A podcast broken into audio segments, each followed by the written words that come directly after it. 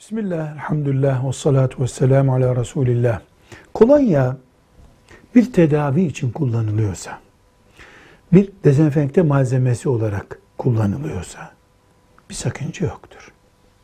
Kolonya keyif için kullanılıyorsa, parfüm maksatlı olarak kullanılıyorsa, alkol ihtiva ettiği için kolonyanın kullanılmasında sonra namaz kılma açısından sakınca olacağını söyleyen alimler olmuştur. Mesela el kolonyalandığı zaman bu alkol ihtiva ettiği için el yıkanmadan namaza durulması caiz değil demişlerdir.